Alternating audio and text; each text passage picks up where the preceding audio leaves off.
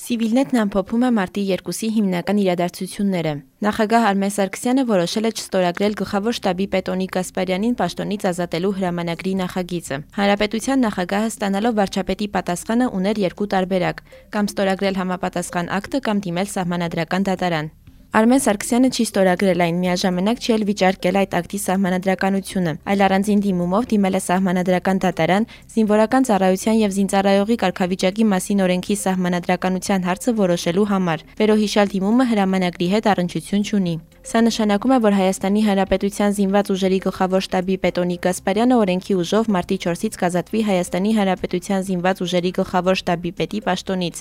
Ըստ Հայաստանի Հանրապետության Սահմանադրության 139-րդ հոդվածի 3-րդ կետի։ Փետրվարի 25-ին զինված ուժերի գլխավոր շտաբի պետ Օնիկ Գասպարյանը եւ շուրջ 40 այլ բարձրաստիճան սպաներ կոչ արեցին վարչապետ Նիկոլ Փաշինյանին հրաժարական տալ։ Նույն օրը վարչապետը միջնորդագիր ներկայացրեց հանրապետության նախագահ Արմեն Սարգսյանին գլխավոր շտաբի պետին պաշտոնից ազատելու մասին։ Նախագահը չստորագրեց եւ յետ վերադարձրեց այն վարչապետին։ Վարչապետը այն կրկին վերադարձրեց նախագահին։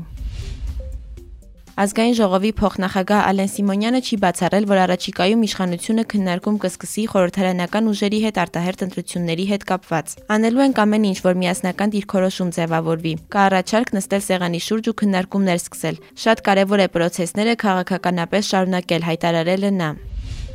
Վարչապետ Նիկոլ Փաշինյանի առաջարկով նա եւ ազգային ժողովի Լուսավոր Հայաստան խմբակցության ղեկավար Էդմոն Մարուկյանը կքննարկեն արտահերտ ընտրությունների անցկացման հարցը։ Էդմոն Մարուկյանի խոսքով հանդիպմանը վարչապետից Օնիկ Գասպարյանի հասցեին հնջող մեղադրանքները փաստող ապացույցներ է պահանջելու։ Հայաստանի քաղաքացիները կարող են Ռուսաստան մեկնել մինչև ապրիլի 1-ը։ Պուտիշեստվի ու Բեսկովի Տիվիտնացից բջջային հավելվածի միջոցով մուտքի ներկայումս գործող կարգը երկարաձգվել է մինչև ապրիլի 1-ը։ Հայաստանի արտաքին գործերի նախարարությունից տեղեկացնում են, որ բջջային հավելվածը հասանելի է Apple Store եւ Google Play հայաստանյան եւ ռուսաստանյան օգտատերերի համար։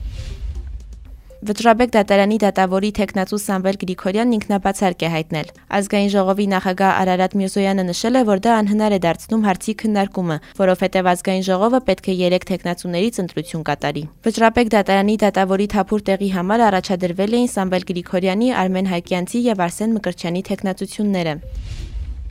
Զոհված զինծառայողների աճյունների եւ անհետ կորած զինծառայողների որոնողական աշխատանքները վերսկսել են 4 ջոկատով Հադրութի շրջանում, Ֆիզուլի եւ Ջաբրայիլ ուղություններում։ 2020-ի նոյեմբերի 13-ից մինչ այսօր որոնումների արդյունքում հայտնաբերվել են 1485 ռազմագործողությունների մասնակից զոհված զինծառայողի եւ քաղաքացիական անձանց աճյուններ։ Արցախում որոնումները դադարեցվել էին փետրվարի 15-ից ադրբեջանական կողմի պահանջով։ Արտգործնախարար Արա Այվազյանն ասել էր, որ դա բացատրվում է եղանակային վատ պայմաններով։